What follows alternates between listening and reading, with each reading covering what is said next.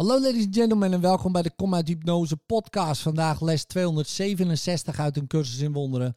Mijn hart klopt mee in de vrede van God. Om mij heen is al het leven dat God in zijn liefde schiep. Het roept mij toe in elke harteklop en in elke ademtocht, in elke handeling en in elke gedachte. Vrede vervult mijn hart en overstroomt mijn lichaam met het doel van vergeving. Nu is mijn denkgeest genezen.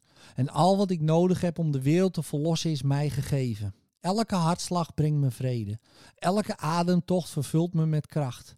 Ik ben een boodschapper van God, geleid door Zijn stem, door Hem in liefde gedragen en voor eeuwig kalm en vredig in Zijn liefdevolle armen gehouden.